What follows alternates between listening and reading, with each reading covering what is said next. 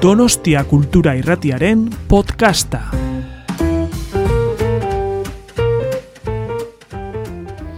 Eh, hola, buenas tardes a todos. Mm, gracias por venir.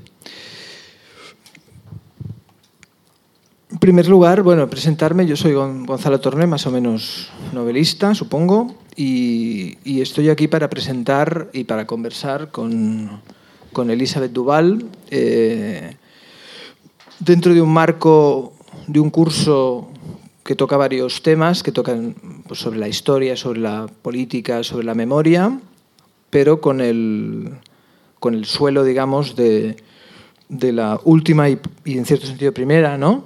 novela de Elizabeth Duval, que es eh, Madrid será la tumba, eh, publicada por lengua, por lengua de Trapo. El, el, planteamiento de la sesión, por así decirlo, es, eh, yo voy a hablar brevemente, voy a intentar un poco situar la novela de Elizabeth, eh, tanto dentro de su, de su, corta pero dilatada trayectoria como de la literatura, digamos, más o menos peninsular.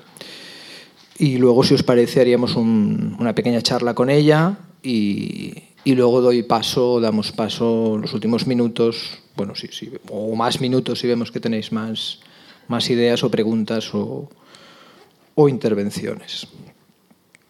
Bueno, lo primero que quiero decir es que estoy muy contento de, estar aquí, de presentar a, a, Elizabeth, que me parece que es una, una persona con un extraordinario talento, además disparado en muchas direcciones, no, no solamente como, como activista, sino también como poeta, como articulista política del día a día, que es un género realmente infernal, porque te obliga estar al día y a pensar. Bueno, no te obliga, en el fondo no te obliga a pensar en la mayoría de casos, pero en su caso además lo piensa, lo cual es, es muy de agradecer. Eh, también en el. Bueno, en, en, en, la literatura, digamos, más, más personal o más eh, de orden experiencial, también en el ensayo, y finalmente en la novela, que a mí me sorprende que sea su primera novela, porque como, como estoy absolutamente convencido de que tiene muchísimo talento para la novela, me, parece, me da la sensación de, de, que era tan lógico que publicara una novela que no es la primera, pero es, es la primera. Esta novela, titulada Madrid será la tumba, está enmarcada en un, en un proyecto eh, de lengua de trapo titulado Nuevos Episodios Nacionales, que tengo que decir que cuando, cuando me lo comentó su editor, que también es buen amigo mío, Manu, Manu Guedán, Manuel Guedán, también buen escritor y buen novelista, me sobresaltó un poco, primero porque ¿no? recuperaba una especie de cosa decimonónica del episodio nacional, de la cosa costumbrista. Yo ni siquiera he podido terminar muchas novelas de las de Galdós, pero además también estaba el proyecto de, de Almudena Grandes y incluso no sé, ni si, como país nos hemos recuperado de la tercera parte del Quijote que escribió Andrés Trapielo. Quiero decir que era una cosa como que, que estaba, me, sonaba tre, tremendamente rancia, con perdón, pero no le dije nada porque es, buen amigo, pero inmediatamente en, al ver las personas que estaban al cargo de estos episodios nacionales eh, ya me, tranquilizó bastante. Y luego la lectura tanto del libro de Elizabeth como, como de Vicente Monroy como de, como de Natalia, que son los tres que he leído, me ha parecido que era un, un juego muy inteligente en, en, relación a la historia de España, eh, porque no dejaba de ser poner a escritores o escritoras eh, con una mentalidad muy, muy contemporánea, con un tipo de literatura muy contemporánea, aparentemente distanciada del tipo de literatura pues muy respetable, pero más costumbrista, más histórica, más preocupada por, por contar literariamente episodios históricos ya conocidos y que han, han, entrado a jugar eh, con mucha astucia en este juego y con muy buenos, y con muy buenos resultados.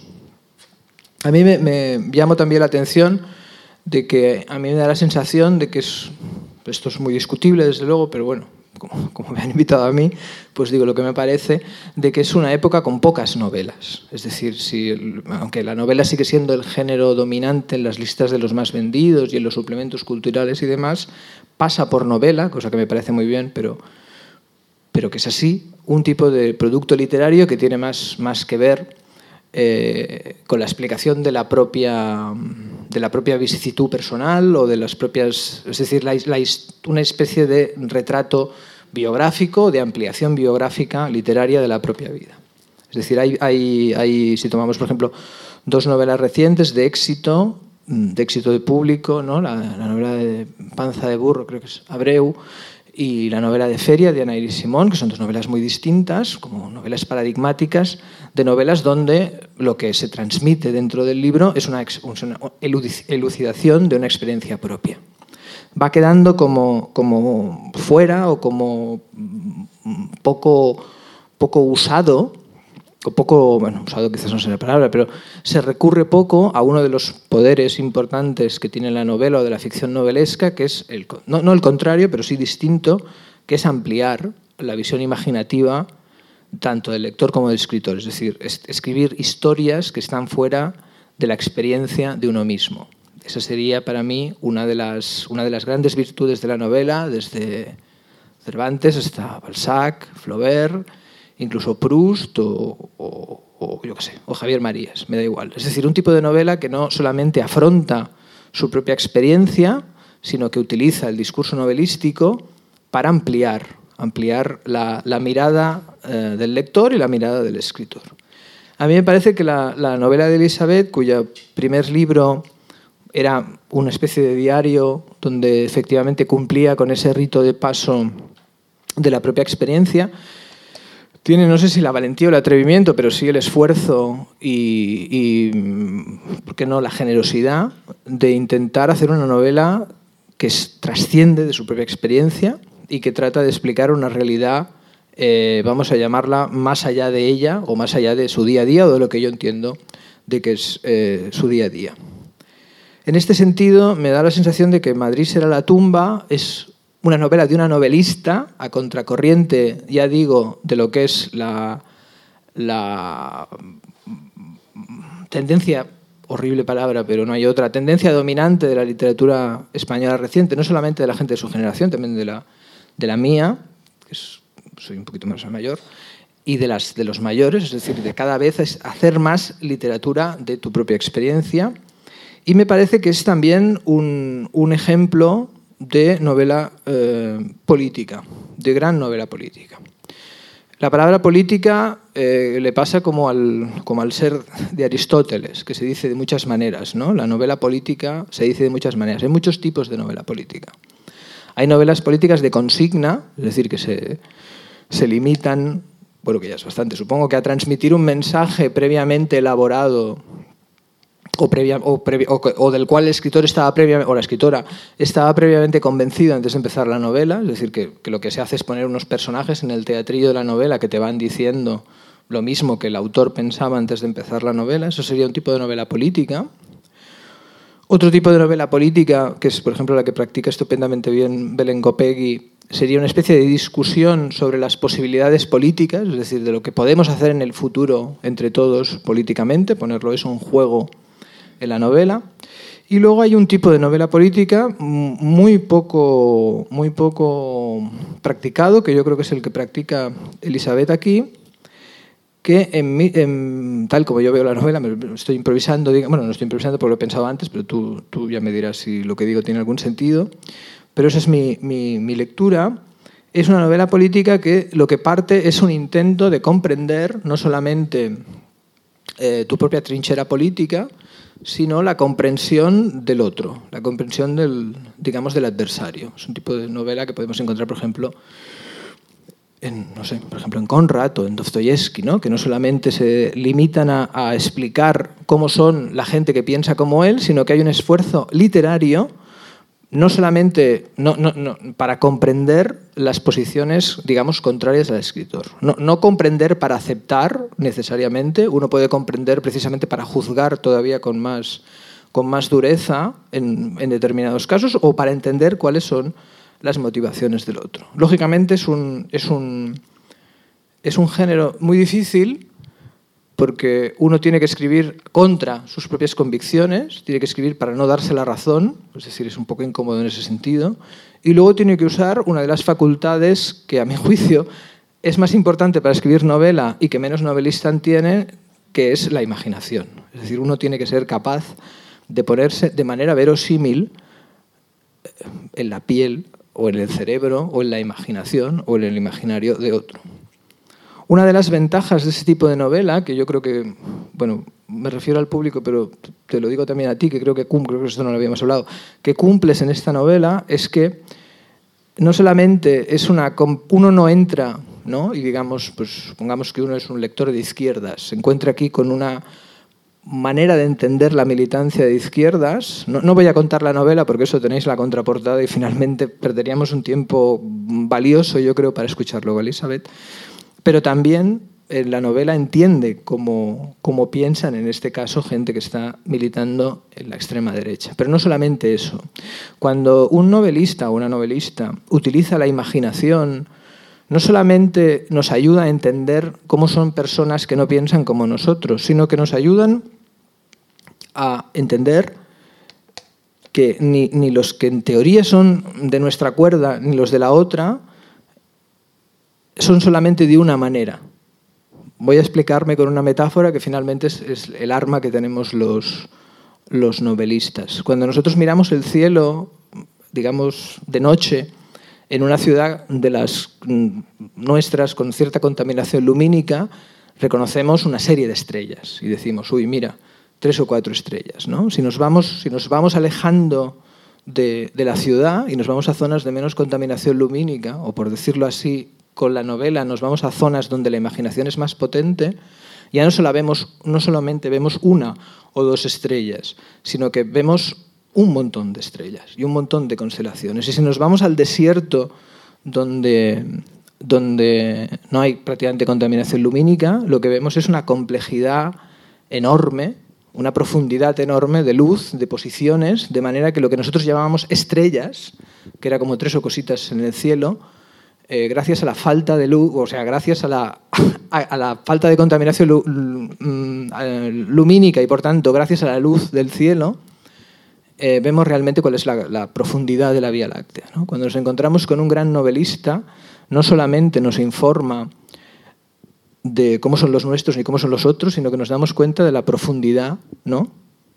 Nos ilumina de la cantidad de posiciones enfrentadas que hay en nuestro bando, en el bando contrario, en el bando intermedio, de las propias contradicciones que hay en cada una de las posiciones o en cada una de las militancias, que cuando salimos de esa novela, por comodidad, por pereza, porque yo qué sé, pues llevamos izquierda o derecha.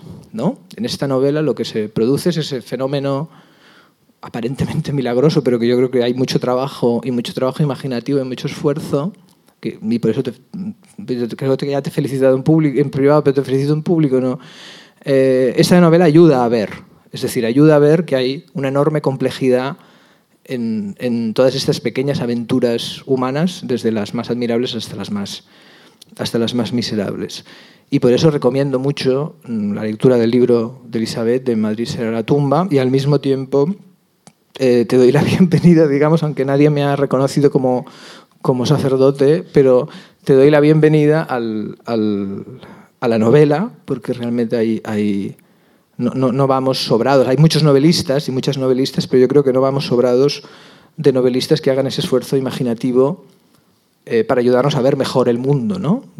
ahora ya, ya puedo ir rápidamente pasar a las preguntas, pero, pero un amigo común de Elizabeth y mío, Luis Magriñá, que es un novelista extraordinario, decía que la literatura o las novelas sirven para que Tú miras una cosa, miras a un sitio y ves una cosa, y luego lees la novela, vuelves a mirar y lo ves distinto y lo ves más complejo. Pues eso que parece tan fácil, pero que es dificilísimo, sobre todo si nos centramos en nuestra, como novelista, solo en nuestra propia experiencia, en nuestra propia vida, en nuestras propias ideas, yo creo que se intenta y además se, se consigue en esta, en esta novela. Bueno, esto es lo que yo tenía que decir sobre la novela y, y vamos a pasar a escucharte.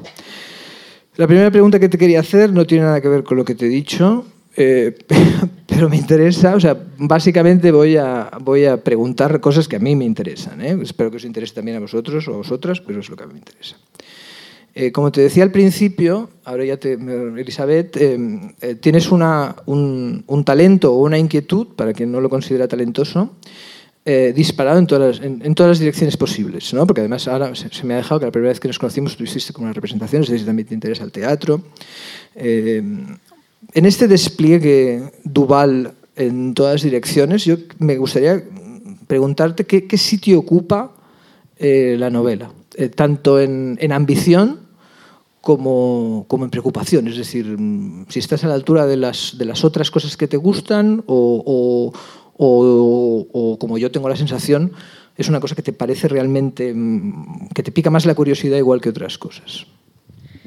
Muchas gracias. Lo primero, a, Gonzalo, empiezo diciendo, eh, yo a Gonzalo le tengo mucha admiración como novelista, pero le tengo más cariño como amigo que como novelista, porque somos los dos eh, personas muy cachondas y muy divertidas, con lo cual nos reímos y nos, y nos divertimos mucho.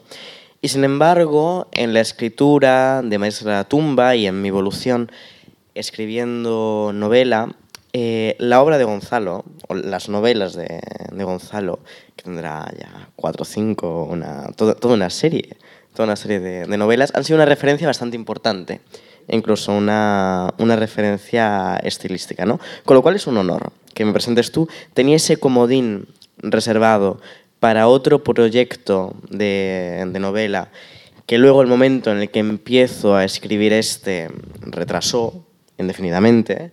No sé si lo acabaré algún día. A lo mejor digo que lo presentes cuando lo, cuando lo acabe en la ciudad en la, que, en la que estés. Pero mientras tanto está muy bien que, que presentes esta. Antes de empezar con la pregunta que me has planteado y retomando algunos de los hilos que tú formulabas en la presentación inicial, yo lo he comentado también en varias de las entrevistas que he dado sobre Madrid la tumba. ¿no? Mm, estoy completamente de acuerdo con el diagnóstico, que vendría a decir que tanto por desarrollos recientes de la literatura española, y no solamente española, sino creo que es una tendencia que también reverbera o quizá parte incluso del mundo anglosajón o del mundo novela anglosajona eh, contemporánea, tenemos una preponderancia de cierta literatura del yo o literatura casi testimonial o autorreferencial, a partir de la cual se presupone que el autor o la autora tiene que estar defendiendo una tesis dentro del texto que sea igual a la que luego vaya a responder como respuesta ideológica en las entrevistas. ¿no? Y a veces no es simplemente que se presuponga eso, sino que realmente el autor o la autora puede hacer un texto que obedece a unos postulados ideológicos, que quiere transmitir una cierta ideología, que tiene unos planteamientos que son políticos y que se asumen como tales, y que no funciona tanto como, como una exploración de complejidades humanas o polifonías o intentos de ver las cosas de forma compleja, sino como aseveraciones o como planteamientos de, una tesis, como estar simplemente afirmando una cosa y afirmándola políticamente. ¿no? En los últimos tiempos, en lugar de que muchas novelas, o como has dicho, cosas que pasan por novelas, puedan ser definidas por cómo funcionan narrativamente, o cómo funcionan como textos, o cuáles son sus temas, o cuáles son sus personajes, cuáles son sus complejidades, parece casi que podamos definir muchas de ellas por cuál es su tema o su tesis política, ¿no? Es decir, tenemos esta novela aquí que está defendiendo eh, una cierta tesis en relación con el feminismo. O tenemos esta novela aquí que está defendiendo una cierta tesis, en el caso de, Feria, en relación con la familia, en relación con la tradición, en relación con toda una tradición política, también de ciertos valores socioculturales, que son valores más tradicionalistas. Y la novela importa mucho menos por cómo explore esas temáticas, o cómo las confronte, o cómo intente decir que no son unívocas, que por cuál sea la solución que esté planteando. ¿no? O sea, parece que de repente estemos exigiendo a la novela, en lugar de explorar sin dar respuesta, que sea esa novela lo que esté dando respuesta. Lo cual a mí me parece en el fondo es un poco exigirle a una forma novelística que cumpla la función del ensayo, o que la novela se esté comportando como, como un ensayo, ¿no? como un cierto tipo de escritura ensayística. Sobre todo teniendo en cuenta que el ensayo, si pensamos más allá de un ensayo influenciado por la escritura de tesis o tesinas universitarias, donde sí que se hace una exploración de cierto tema, historiográfica o teorética, en los ensayos propiamente en su origen, donde hay también una presencia del yo, en pocos textos hay una presencia del yo como en los ensayos de Montaigne o en los pensamientos de, Pascal, se ha desvirtuado como dejando en parte de lado, lo cual no es necesariamente negativo, pero es, una modificación, la exploración de esa facultad imaginativa y sobre todo de el salirse de esa frontera inherente a la persona propia o la persona propia del autor que implica esa novela.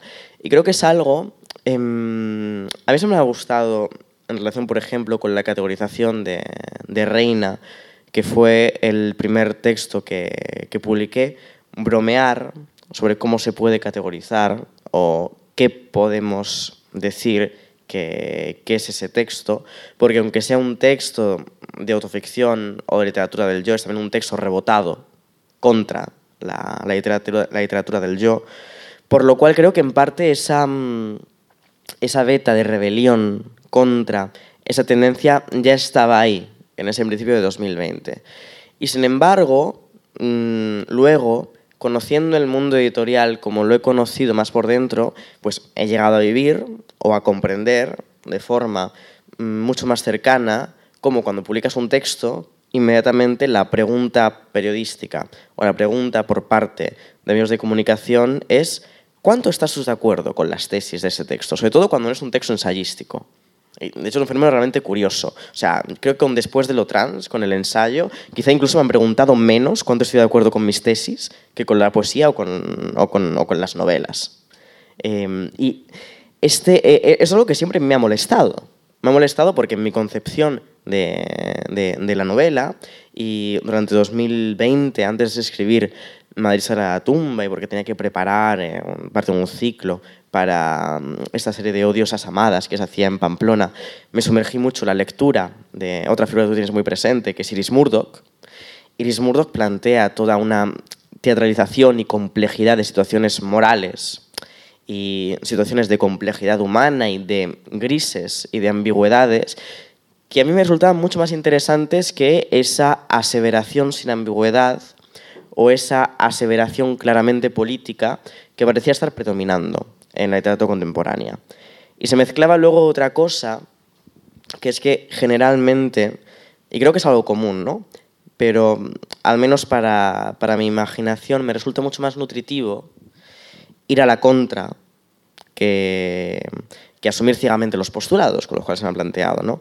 Lengua de trapo para quien, para quien no la conozca, creo que eso es importante para saber la génesis de la novela, está fundada en... Eh, está retomada más bien en su momento, porque ya existía de antes, eh, por, Jorge Jorge Lago y luego Manu Guedán, que forman parte del primer equipo de cultura de Podemos en los orígenes de Podemos, allá por 2014-2015. ¿no?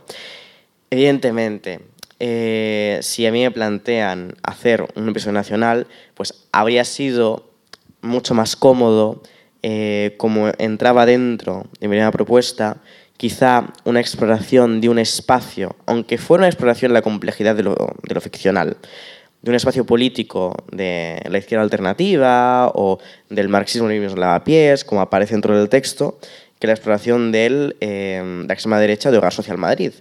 Y sin embargo, dar esa especie de, de voz cantante o analizar o meterme dentro de esa cabeza ficcionada de los personajes de Hogar Social Madrid en el texto novelístico, me parecía mucho más interesante, sobre todo proviniendo de la posición editorial de una editorial filopodemita, que intentar hacer cualquier otro tipo de, de cosa. ¿no?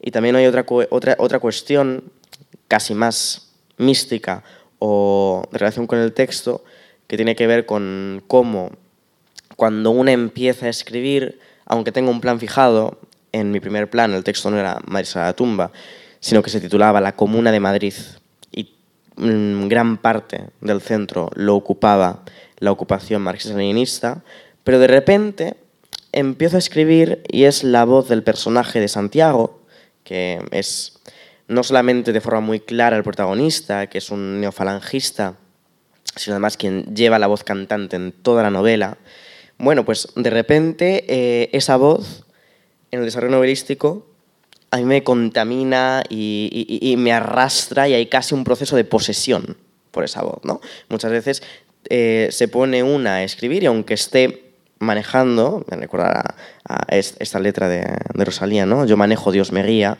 Aunque esté una manejando, de todos modos, es el personaje quien toma las riendas o quien arrastra por el proceso y lleva por unos caminos que no se tenían planeados. Y para mí el personaje de Santiago y la voz narrativa de Santiago arrastró toda la novela consigo en un momento dado y modificó fundamentalmente cuál era el sentido de la novela y qué era lo que, lo que yo quería explorar. Me gustó mucho, ahora sí respondiendo a la pregunta que tú hacías sobre qué lugar ocupa la novela en, lo que yo hago, una respuesta que dio en una entrevista, creo que, de hecho la entrevista ha salido hoy, eh, Vicente, en, Valencia Plaza, creo Cultur Plaza, en la que hablaba sobre cómo para él eh, el ensayo sirve como una manera de explorar, explicar cosas o explorar cosas con el lenguaje, la novela le sirve para hacerlo a través del lenguaje y la poesía le sirve para hacerlo en el lenguaje, ¿no? como distintas vertientes o distintas modalidades de, de uso de la palabra. Algo que siempre me ha obsesionado mucho y que tiene también que ver con otras cuestiones o decisiones estilísticas dentro, de, dentro, del, dentro del texto. Eh, he visto a, cierta gente que me ha reprochado en, en, Goodreads, por ejemplo, pero Elizabeth, no haces descripciones físicas de, de, los personajes, ¿no? no describes sus rasgos o, o atributos, pero para mí eso obedece a una voluntad de dejar en la novela aquello que solamente la novela como formato podría hacer. O aunque incluyes otras cosas, que lo primordial sea aquello que pertenece puramente al terreno de, la novela y que una película o una serie no podría explorar de la misma manera, que tiene mucho que ver con, la utilización del lenguaje, con la utilización del lenguaje que no puede utilizarse dentro de, dentro de otros sitios. La novela para mí permite una, polifonía dentro de cuáles son, porque no tienes solamente que defender o aseverar una tesis, aunque en un ensayo también puedas plantearte la posición de tu adversario, o incluso tomar el lugar de tu adversario y responderte a, a, ti misma, pero al final quieres aseverar algo y quieres que lo que estás aseverando quede más o menos claro y quieres que no haya ambigüedad. La novela, al contrario, permite que haya toda la ambigüedad del mundo. Y si no hay ambigüedad, permite que esa no ambigüedad se construya de formas más sutiles, pero quizá más interesantes. ¿no? El motivo, por ejemplo, por el que yo considero, y creo que quienes la han leído están de acuerdo, que aunque la novela haga este juego de espejos entre la ocupación marxista-leninista y la ocupación de Hogar Social Madrid no es una novela equidistante, es por recursos narrativos al final. Y es por cómo se produce el desenlace de esa narrativa. No, no es por una postura externa moralizante o moralizadora que planee por encima del texto, que juzgue desde, desde la postura del narrador, sino simplemente por cuál es la consecución de los hechos que se explica una cierta postura moral casi externa, pero que va inherente a, esos mismos hechos. Para mí, cada uno de esos géneros, como formatos que no son estrictamente literarios en muchas ocasiones, tiene sus propias virtudes o, o sirve para, para distintas cosas. Últimamente me está resultando, después de mm, haber sido muy prolífica ahí, hasta hace, hasta hace poco tiempo, muy frustrante eh, que no consigo ser tan prolífica, por ejemplo, en la poesía, como, como lo era hasta, hasta hace no tanto. ¿no? no consigo escribir tanta poesía como, como la hacía hasta hace poco. Eh, la poesía, pues también históricamente va como asociada a, a cierto tipo de juventud. Yo me sigo considerando joven, creo que con razón, porque tengo 21, con lo cual, eh, si no me considerara joven, mal estaríamos. Pero mm, me, resulta frustrante no poder acercarme ya a ese género de, de la misma manera y verme mucho más atraída por, por el género de, de, lo novelesco o, esa exploración de, de, lo ficcional. Y sin embargo, cada texto tiende también a surgir de una manera más o menos orgánica, más o menos autónoma, que hace que a distintos temas o distintas formas que, que uno quiere tratar corresponden distintas formas de, de tratarlo. ¿no? Ahí, cuando, llegó el momento de escribir Maestra de la tumba, pues no podía concentrarme en estar escribiendo otra cosa. O me veía obligada por una cuestión laboral. Pero si no fuera una cuestión laboral, yo no escribiría columnas en mi vida. Eh, eso es un, trabajo eh, que no le deseo a, a, nadie, ni a mis peores enemigos. La escritura de columnas a veces puede ser placentera, pero sobre todo es una experiencia detestable, porque nadie quiere estar escribiendo columnas que, como bien dices, en muchos casos yo intento pensarlas en la medida de lo posible y con mis límites de tiempo y, a lo que alcanzo, pero me gustaría tenía que interrumpir la escritura de la novela para hacer columnitas, pero no me gustaba hacerlo porque mi mente estaba obsesionada como cuando te enamoras o, como cuando deseas mucho algo. Mi mente estaba obsesionada por ese proceso de escritura de, la novela. Igual que a partir de cierto punto, escribiendo después de, después de lo trans, el ensayo, último publiqué en, en marzo, pues en, en, cuerpo y alma, en parte me, me dedicaba a, a eso, ¿no? Tengo que escribir un ensayo para, para el año que viene, porque mm, uno está palabrado, dos, tengo un contrato firmado y los contratos obligan a tener que escribir, lo cual está bastante bien. Y hasta hace muy poco, eh, hasta mm, mi último viaje entre, entre, París y Madrid, de hecho, no había logrado realmente ponerme a escribirlo y ahora ya sí he logrado ponerme a escribirlo, ¿no? Con lo cual, probablemente en el tiempo futuro, a lo que me dedique será la escritura de, de ese ensayo. Y llegará un momento en el cual mi obsesión es suficiente como para no poder estar haciendo otra, otra cosa. Y luego eso pasará y a lo mejor me toca volver al, al, formato de la novela o, o, me toca hacer otra, otra cosa, ¿no? Pero yo voy respondiendo también en parte a, esos deseos. Creo que em, a lo que quizá más palabras he dedicado, o, volumen de palabras, seguramente sí que sea la novela. ¿no? O seguramente lo que sí que más he producido sea la, novela, también porque fue una de mis primeras experiencias de escritura.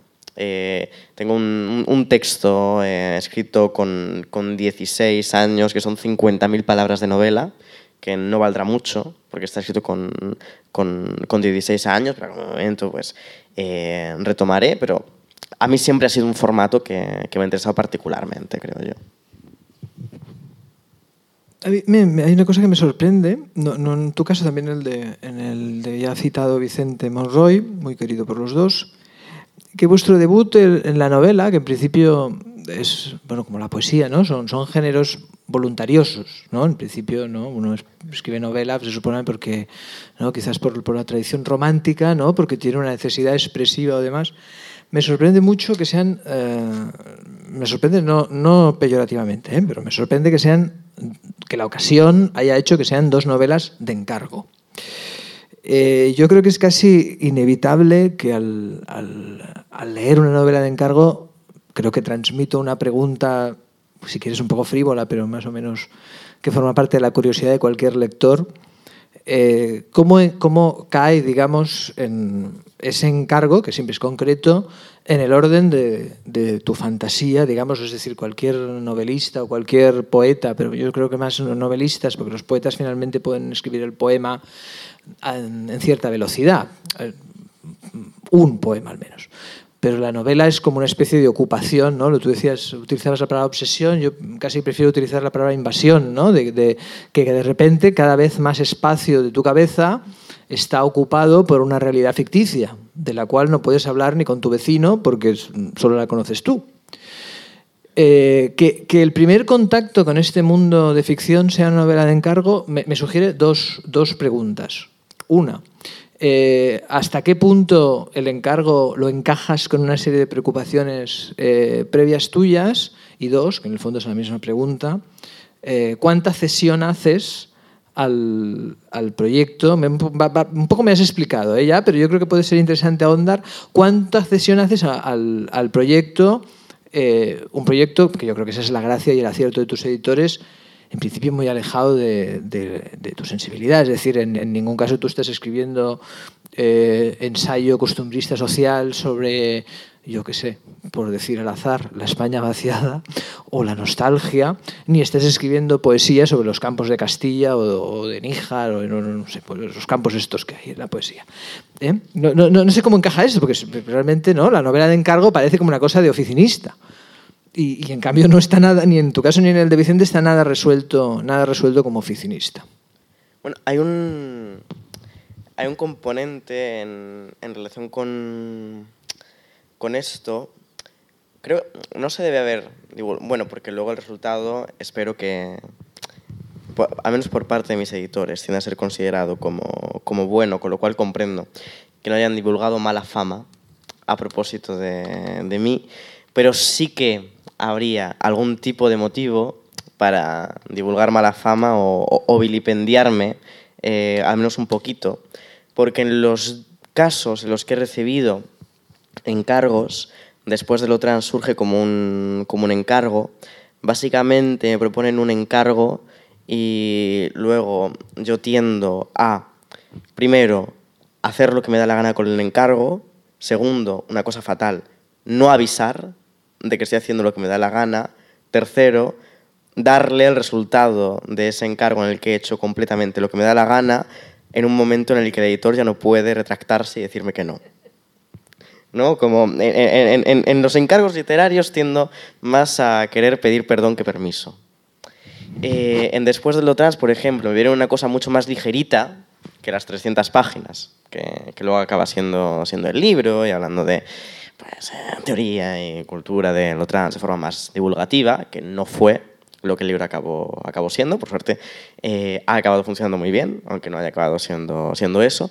Y en el caso de Marisa Tumba, Mm, no me propusieron nada, sino que me dijeron, eh, estamos haciendo esta colección donde hacemos cosas narrativas o no sobre mm, eventos históricos en eh, la historia de España desde la, transición, desde el 78, básicamente, y yo les dije, eh, pues propuesta, mi primera propuesta fue esa, la Comuna de Madrid, con mucha inspiración del romance del comunismo americano, de Vivian Gornick, inspiración de Los Justos, de, de Albert Camus, analizar como esa especie de, mundo de la ocupación marxista-leninista. Luego no les dije que lo había cambiado y que de repente mi protagonista era un fascista. Eso no se lo comenté hasta que les mandé luego, el texto. Bueno, una vez creo que se lo comenté a, a, Manu Guedán, pero se lo comenté informalmente. se lo comenté en un bar. Se lo comenté en un bar tomando algo. Y, y, ya, pues eso, cuando se lo mandé era como, como demasiado tarde, ¿no? Pero todas las inquietudes o todos los pensamientos a, los cuales obedecía, por ejemplo, esta, esta novela, eran míos porque al final me habían dicho, narra un evento histórico de la España en, tiempos recientes y eso te da una libertad muy grande para desarrollar cualquier, cualquier cosa. Más aún si como yo te dicen que narres un evento histórico y coges y narras algo que no tiene importancia alguna. ¿no? O, incluso te inventas eh, la, la, historia. ¿no? En esa tumba hay momentos de esa supuesta historia yo no creía que la novela tuviera que ser fidedigna a lo que fue la realidad, donde yo cojo y me invento la historia, porque lo que pasa en la novela no sucedió nunca en Madrid, o no, no llegó a suceder nunca en, en 2016. ¿no? Hay otras cosas que están muy ajustadas a, lo que realmente sí que era, pero otras cosas que no tienen nada que ver. Con, con lo cual, yo eh, hice un poco con el encargo realmente lo que, lo que quise, que yo creo que es un poco la manera de abordar los encargos, lo que hace que luego los, incluso la literatura de por encargo pueda tener un, un, valor o, un estatus que hace que no sea de ningún modo inferior a una literatura que surja a, a motu propio ¿no? o, o que son inquietudes propias, porque también está surgiendo de, de algo que en el fondo ya esté ahí y de algo que en el fondo sigue siendo una, una inquietud eh, que yo ya tenía, ¿no? Un tema que ya podía estar rondando en mi cabeza. Como comentaba un poco antes, cuando llega, cuando llega ese encargo, me habían sucedido dos cosas. Eh, la primera de ellas era que yo, un año antes, había empezado a escribir una novela que pausé porque tuve que ponerme con la escritura después de lo trans y centrarme en el proceso de trabajo de, de después de lo trans. Acabé después de lo trans en agosto de 2020. Agosto de 2020, septiembre de 2020, luego hice un proceso de, de, revisiones que llevó más tiempo, pero la primera versión estaba acabada el 24 de agosto de, de 2020, me acuerdo porque además es el día antes de, antes de mi cumpleaños, y tras eso, como casi como con un proceso de, embarazo de parto, ¿no? Llega una especie de depresión postparto en la que no sabes muy bien qué hacer con, con, con tu existencia, no sabes cómo gestionar que acabas de acabar de crear una cosa, ya eh, estás un poco ahí perdida. Para mí no es un momento eufórico en absoluto. Yo me acuerdo cuando acabé de escribir después de lo trans, estaba sacudidísima, me puse eh, a llorar porque, claro, ¿a qué iba a dedicar ahora mi tiempo? Después de estar dedicando horas y horas y horas a, a esto. Y luego llegó ese encargo y como ya había de todos modos pausado la novela con la que ya estaba, eh, empecé a macerar en mi cabeza lo que iba a ser el concepto y lo que, y lo que iba a tratar, ¿no? que lo he comentado también en, en algunas ocasiones de, entrevistas o presentaciones, pero yo en, a veces no, no tiendo a ser muy regular en la escritura, es decir, no tengo una rutina de cada día voy a escribir no sé cuántas palabras y me esfuerzo a hacerlo todos los días, pero cuando me pongo a escribir tiendo a ser muy estajanovista y muy eficiente. Lo cual implica, el libro, la novela, estuvo macerando desde agosto-septiembre de 2020, eh, pero el grueso de la escritura, el 80-70% de la escritura, está escrito en, encerrada en, en agosto de 2021 eh, encerrada de encerrarme y eh, visionar, leer cosas, escribir. Era, era, era prácticamente toda, toda, mi rutina. También cocinar, porque una tiene que alimentarse no puede descuidar las, las funciones vitales. Con, con lo cual también esos procesos largos de dejar que el libro se asiente y que eh, las voces o ese universo ficcional vaya tomando más espacio también permiten eh, una relación con, con, la escritura de encargo que sea, que sea más orgánica. ¿no? Pero creo que tiene un poco de mala fama, no merecida, la escritura de encargo, porque los textos de encargo pueden ser maravillosos y sobre todo porque quizá no se enseña en relación con textos que han sido de encargo, que son obras eh, importantes o relevantes de la literatura, que son textos de encargo. O nos creemos que todo surge por eh, obra y gracia o voluntad propia de, quien sea que lo, haya, escrito, cuando realmente eh, pues habrá muchas ocasiones en las que, por ejemplo, Balzac, con sus textos que eran prácticamente folletines, se pone a escribir algo porque necesita comer. Y, porque le viene la, idea, porque tiene que dar algo a su público. No, sí, yo supongo que la mala fama, yo no tengo nada en contra de los textos de encargos, más aprovecho este que se está grabando por si, algún editor nos quiere hacer llegar algún. El, el, asunto, básicamente, del texto de encargo es que parece eso, ¿no? Que con esta fantasía de que los escritores tienen, sobre todo los novelistas, la capacidad de escribir libremente, parece que el, que el encargo constriña, como si la propia decisión no estuviera también constreñida condicionada por por las Pero ideas que no son tuyas, sino que son de otros, claro, o y, las expectativas de tu editor. Y yo creo incluso que hay veces en los que los textos no de encargo pueden ser más aburridos que los textos de encargo. Sobre todo, claro, no tiene nada que ver eso, sí, sí. Claro, sí, porque, sí. ¿no? Como muchas veces, a lo mejor cuando no estás haciendo un texto de encargo, eh, los, escri hay, los escritores hay tendencia a que somos personas que tienen egos bastante grandes. Tú no, ¿no? Al tener egos bastante grandes, eh, también tenemos tendencias muchas veces a, a ombliguismos y si nos ponen a no hacer eh, algunas veces cosas que sean más o menos dirigidas o eh, incluso un, texto bien editado puede parecerse un texto de encargo, porque el, el, editor te intenta recuadrar más o menos la cabeza, ¿no? Hacerte, llevarte por ciertos caminos, que no son por los que tú tiendes a, a ir. Pero podemos tender, yo creo, a cierto ombliguismo cuando no se trata de cuando se trata de textos que puramente surgen de, lo que, que, queremos tratar en ese momento porque tenemos a considerar a veces que somos más interesantes lo que somos te quería preguntar también eh, porque si nos estamos, si no, nos van a quedar dos segundos de preguntas, pero el tiempo va pasando implacablemente. Tú vives en... Ah, porque yo en, me enrollo mucho. Tú, no, está bien eso, que te han venido a escuchar. Eh, tú vives en, en París. en París.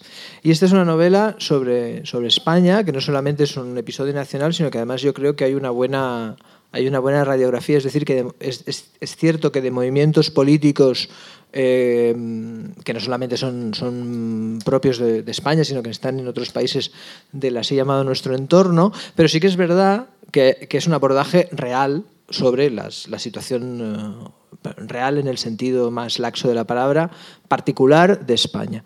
Te quería preguntar, eh, porque hay aquella frase de Kipling tan bonita que le dice a su madre, que, que, conocen de Inglaterra los que solo, viven, solo han vivido en Inglaterra. ¿no?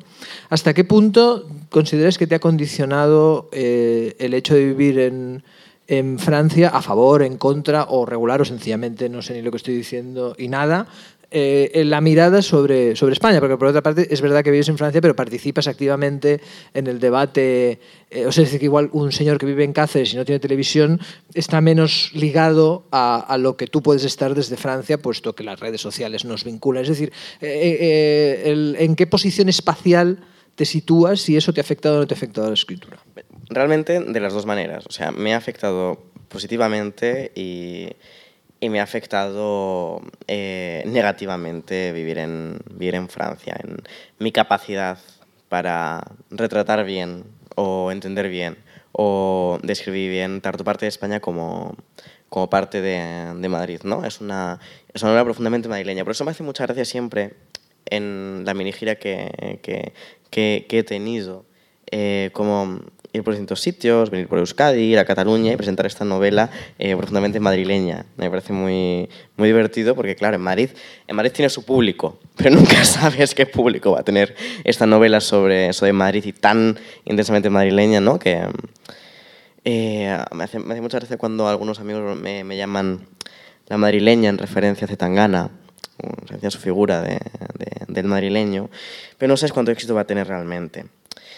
Eh, positivamente, pensando también, por ejemplo, en este poema de, de ¿no? De feliz aquel que como Ulises ha hecho un bello viaje, heureux qui comme Ulises fait un beau voyage, y luego se da cuenta de que es mucho más bonita su tierra natal de, de, no sé dónde que en Roma con todas sus esculturas, o sea, hay una comprensión también de, o un cariño que se le coge casi al, al, al país o al sitio donde vienes eh, cuando te vas fuera, que es una experiencia como muy, yo, yo bastante compartida por toda la gente que, que se ha ido fuera, y al mismo tiempo, como en ciertos datos o cositas pequeñitas, como que mm, se te van yendo de, de la cabeza. Una cosa que me dijo mi, mi editorial, que yo no había dado cuenta en las correcciones del libro, y eso que, por ejemplo, eh, la calle en la que vive Santiago, es una calle de Vallecas, eh, es, la, es, la, es la calle de un amigo eh, o era, eres hace poco, la calle en la que vivía un, un amigo con el cual estaba bastante,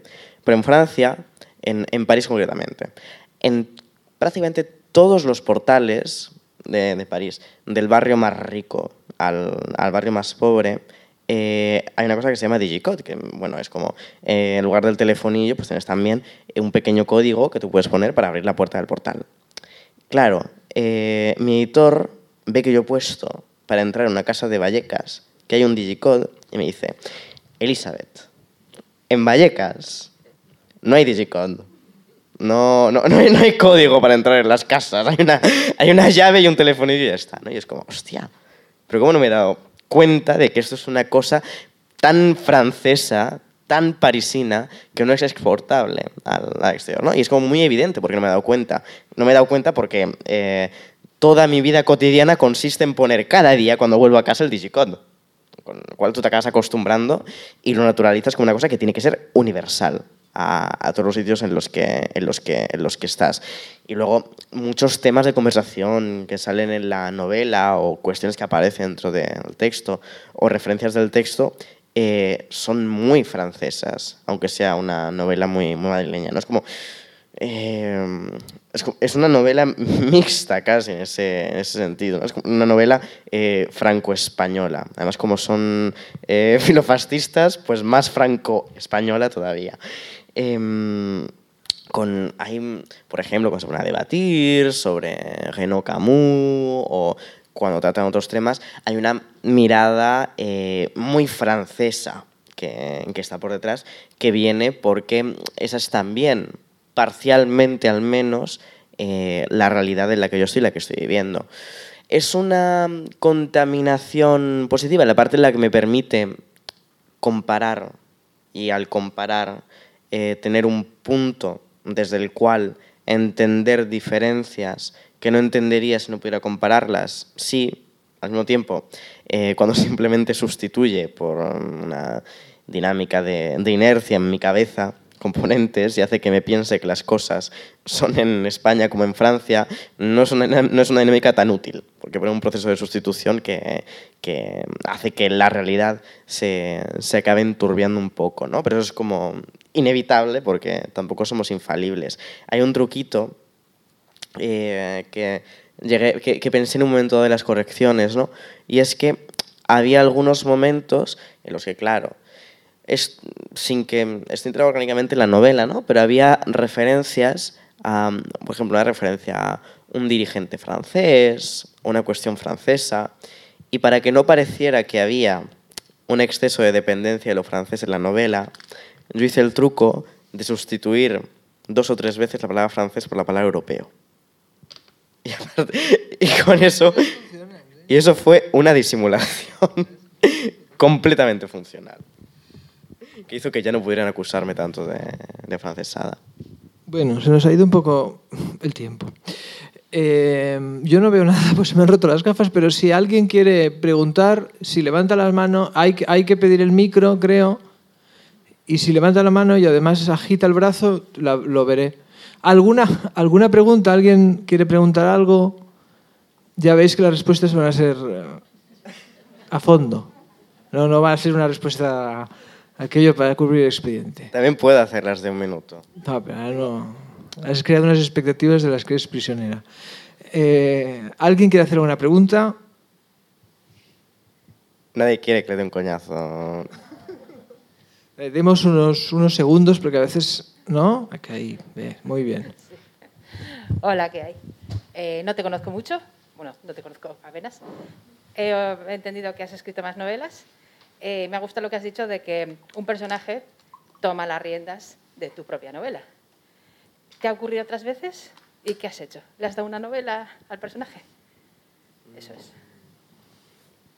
Bueno, realmente esta es, eh, en el caso, gracias por la pregunta, en el caso de, de Elena, por ejemplo, como reina de este ejercicio, eh, no tan ficcional, pues no me ocurría como persona tomar las, las, las, riendas. ¿no? Para mí esta ha sido una, una primera experiencia de contaminación, pero en la escritura de otras cosas, eh, muchas veces, más que un personaje, se parece más a que una voz tome las riendas. ¿no? Tú tienes tu monólogo interno, mental. Cuando descubrí que había gente que no tenía monólogo interno, monólogo mental, me quedé flipando. Cuando, cuando descubrí que realmente sucede que haya un porcentaje de, de, la gente que no tiene una voz en su cabeza que está ahí haciendo el run, run, run, run, run, run, run, run. No creo que es como un 10%, un, un, un 15% que no tiene eh, monólogo interno. Esto es flipante. Pero como que de repente en tu monólogo interno se inmiscuye otra voz eh, que, que, también dicen sus cosas. No quizá cuando estás lavando los platos o, cocinando, no, no, no, es tampoco eh, este proceso um, disociativo en el cual sea otra voz completa, pero sí que eh, hay una parte de, parásito dentro de tu cabeza. Y eso sí que me ha sucedido, eh, lo que pasa es que, por ejemplo, en el caso de la novela que tuve que parar, porque estaba escribiendo un, un, un ensayo después de lo trans, y tuve que ponerme con después lo trans porque tenía fechas de entrega y para la, para la novela no, pues ahí lo paré. Y luego se una cosa muy trágica que pasa a veces y es que lo paras eh, y luego no reencuentras a, a esa vocecita que, que, tienes en la cabeza, ¿no? Así que acabas como esperando a que, a que algún día vuelva para que puedas casi terminar ese texto, ¿no? Pero es un proceso bastante bonito el de, el de dejar que, que esa voz tome un poco las riendas. La voz de Maestra Tumba pues puede ser detestable y puedes detestar muchas cosas de las que dice y, piensa, pero ese proceso de dejarse seducir por, por esa voz es, es, muy divertido, es muy, es muy divertido, porque no solamente dejarse seducir por una voz, sino por, por, por, todo un mundo también conceptual. ¿no? Para mí ese, ese mes que me pasé también como viendo el documental de eh, equipo de investigación de la Sexta sobre Hogar Social Madrid y leyendo sobre eh, neonazis eh, y grupos de extrema derecha en, en, España y leyendo retórica falangista, fue un mes delirante, pero fue un mes muy divertido. Y salí relativamente ilesa.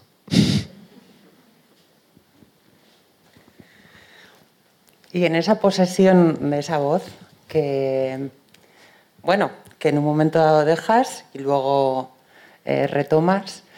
Eh, y después de haber escrito Después de lo trans, eh, esa voz, bueno, que en concreto acabas de decir que el protagonista es un hombre, ¿no?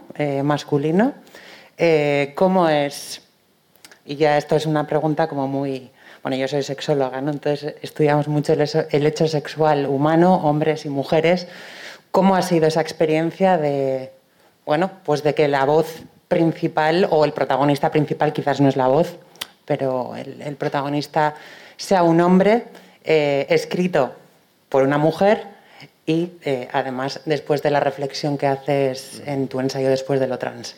Además, eh, hubo un, es una pregunta, un, un componente en, en, el que uno de los momentos fue muy divertido, pero al fue muy extraño, hay eh, a mediados del libro, y es complicadísimo escribir ese tipo de cosas, pero en el capítulo eh, hay una escena de sexo que para mí fue un ejercicio de imaginación descomunal. Igual que todas las escenas que hacen referencia a, a Grindr, donde tuve que consultar a un montón de amigos, porque no había utilizado nunca. Era un ejercicio de imaginación y de intentar imaginarme eh, muy, muy grande, ¿no?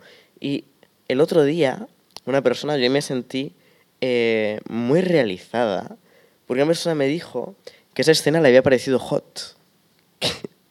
y, entonces, dije, bueno, algo habré llegado a hacer bien para transmitir eso con estas dos personas haciendo una cosa eh, que yo no he experimentado, pero que solamente puedo llegar a, a, a imaginarme o como colocarme dentro de, dentro de esa, de esa posición, ¿no? Luego, en relación, por ejemplo, con eh, las, la figura del protagonista masculino, desde la perspectiva de escribirlo como, como una mujer, quizá eh, ha habido muchos reproches, yo creo muchas veces bien fundados, ¿no? a, escritores hombres por decirles que eh, no han sabido escribir a las mujeres o, no han sabido eh, seguir tanto que mujeres. ¿no? Y sin embargo, por ejemplo, pienso en el ejercicio de, de Proust, en Busca del tiempo perdido, y pienso en la, la, la, transfiguración eh, de los géneros que hay dentro de, dentro de eso. ¿no? Tiene, mm, no, era, no era Proust, sino era un crítico francés también de, finales del, del 19 que escribía un un texto cortito de crítica sobre una poeta mujer en Francia en el siglo XIX, que era sobre la concepción de, de la poeta mujer, que luego referenciaba a Proust dentro de, dentro de un texto suyo. ¿no?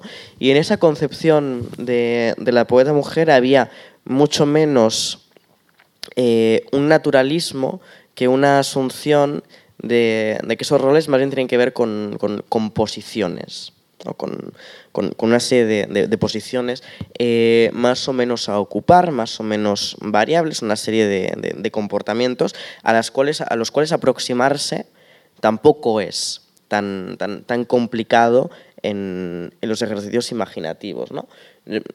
Yo considero que no hay, no hay una sin querer tampoco eh, decir que, que la experiencia masculina sea simple y que por eso sea fácil acercarse a ella, pero no hay unas esencias que hagan que las experiencias de, los géneros sean inherentemente difíciles al ejercicio de la imaginación para, para acercarse a, cómo deben vivirse. ¿no? Sobre todo eh, cuando se ha hecho también el, el esfuerzo teórico por, por intentar comprender y por intentar comprender cuáles son esos esos mecanismos, ¿no? O cuál es, por ejemplo, en el caso de Santiago, eh, el mecanismo de dominación y su relación con, con la masculinidad que, que, está operando, ¿no? También, eh, al fin y al cabo, en, en la existencia cotidiana, salvo si vives en una microcomuna lésbica, eh, te ves confrontada a, a, a, la existencia con, gente diversa y con eh, hombres y mujeres. ¿no? Y eso también implica en parte, si tienes un mínimo interés por la gente con la cual te ves confrontada, que intentes entenderlos. O que, o que intentes comprenderlos un poquito. O comprenderlos en, en, la medida de, de lo posible. ¿no? Con, para mí no fue un, un, un ejercicio tan, tan extraño esa, esa invasión era, era, era, era curiosa también porque, eh, digamos, una concepción que diría que todo aquello que representa Santiago me es completamente ajeno, no sería una concepción interesante. ¿no? Creo que el ejercicio de colocarse en, en, en la posición de, de, Santiago es completamente asumible, sin hacer tambalear ningún, ningún estándar de, de la identidad que, que se tenga. ¿no? O por ejemplo, cuando en discurso político incluso, ya no hablando de la identidad de género, sino de más, más discurso en general, eh, a gente como Santiago, neofalangistas o, o, o fascistas tratados simplemente de eh, imbéciles o inherentemente perversos, yo creo que se puede hacer un ejercicio de comprender eh, por qué esta gente es mala. ¿no? Intentar entender de dónde parte el deseo de, de gente de, dominación o, de violencia. E incluso, sobre todo, eh, hablando de ese tipo de, comp de comportamientos eh, gregarios o violentos, hacer el ejercicio de pensar que por no concebir yo, que es inherentemente bueno, aunque sí que creo que hay gente más buena que otra, que eh, estemos libres de culpa o de pecado que no vayamos a caer eh, o que no pudiéramos caer en otras circunstancias en el tipo de comportamientos, en linchamientos o en escaladas de, violencia o de, violencia grupal. ¿no? Creo que hay hasta cierto punto dinámicas psicológicas bastante universales. Y bueno, es que es, un, es, una pregunta muy, muy, muy extensa y si continúo respondiendo puedo alargarme como 10 minutos más, así que la corto por aquí. No sé si hay alguien que quiera hacer una pregunta más o una intervención más. Pues yo, yo como colofón, que siempre me hace mucha ilusión, eh, porque me siento periodista cuando la hago. ¿Te gusta son? sentirte periodista? No, un ratito. O sea, solamente cuando presento a alguien cada seis meses, son mis cinco minutos de periodista, me hace muy feliz. ¿Cuáles son tus próximos proyectos? Eh, estoy ahora mismo. Bueno, siempre. Eh, dentro de poco. Se ponía. De hecho, hay un spoiler sobre uno de mis próximos proyectos en, en el libro. Es que cuando lo abres, te dice una mentira. Y es. Esa de Duval es otro de libros como el poemario Poserótica de Traversal 2021. Si alguien lo ha buscado, eh, no salió ningún poemario Poserótica en la Traversal 2021 porque ese poemario sale en 2022 y saldrá dentro de unos meses. Se, se retrasó por, por, motivos de calendario y motivos de agenda, pero saldrá. Eh, es el próximo que, sale. Es un poemario muy grande porque son algo así como 220 y algo páginas, que para un poemario es bastante tocho. Y luego, eh, después, de, después de eso, porque ese proyecto ya haya finalizado bastante, bastante tiempo, estoy ahora preparando eh, un ensayo que debate en parte con, con esas cuestiones que hablamos del momento político actual, ¿no? Eh, tradicionalismo, comunitarismo, pero no exactamente con la gente que le está planteando la actualidad, porque una, una cosa interesante o que yo intento ahora guardar la cabeza y que no hice lo suficiente en después de lo trans es que una, alguien que reflexiona eh, se mide también por cuál es el tamaño o la fuerza o la capacidad de los adversarios que escoge. Y en algunos momentos de después de lo trans seguramente escogí adversarios demasiado mediocres, con lo cual intento, eh, en el caso de ese próximo ensayo, para algunas cosas que sí que están presentes en la actualidad, coger a sus mejores exponentes o pensar a través de sus mejores exponentes o gente que quizá teóricamente tiene, tiene más que decir que sus versiones más banales eh, que mm, repiten temas que ya han sido tratados con anterioridad, pero con mucha menos profundidad en, en lo que tienen que sobre esos temas. ¿no? Y ese va a ser un ensayo eh, sobre mm, filosofía política y mm, eh, los debates también, pero actualizados, que hay, particularmente en el mundo anglosajón, entre liberalismo político y comunitarismo, porque considero que estamos en un momento político eh, comunitarista y que la izquierda tiene que aprender algo del hecho de que es un momento político comunitarista y que no puede solamente sostener una visión liberal de los lazos con, con, el Estado y la reivindicación de lazos, pertenencia a una comunidad política no excluyente. Y, y ese es el proyecto en el que estamos trabajando, en, que, que entronca ¿no? con, con algunas de las que han sido en, en, en, columnas, pero no en formato columnas, porque, porque el ensayo ¿no? todo está mucho más desarrollado, pero algunas reflexiones que tienen en columnas en tiempos recientes, particularmente también en una, en una serie de columnas que escribí en su momento en verano para, para, para contexto, donde traté algunos temas que también trataré dentro, dentro, de, dentro de esto, y que también tiene que ver con lo que es el epílogo de Después de lo trans, que también tenía un, un matiz eh, político eh, o de teorización sobre lo, lo, lo político o la izquierda bastante importante, pero ampliado a, a, escala mucho mayor. Y cuando acabe eso, eh, yo sé en lo que estoy trabajando para cuando acabe eso. Me hace casi más ilusión que el ensayo, pero no puedo contar. Bueno, pues con este spoiler más este pausa misteriosa, eh, damos por, por, cerrada la sesión. Se me da fatal despedirse, como podéis ver. Ahora, Gracias por haber venido.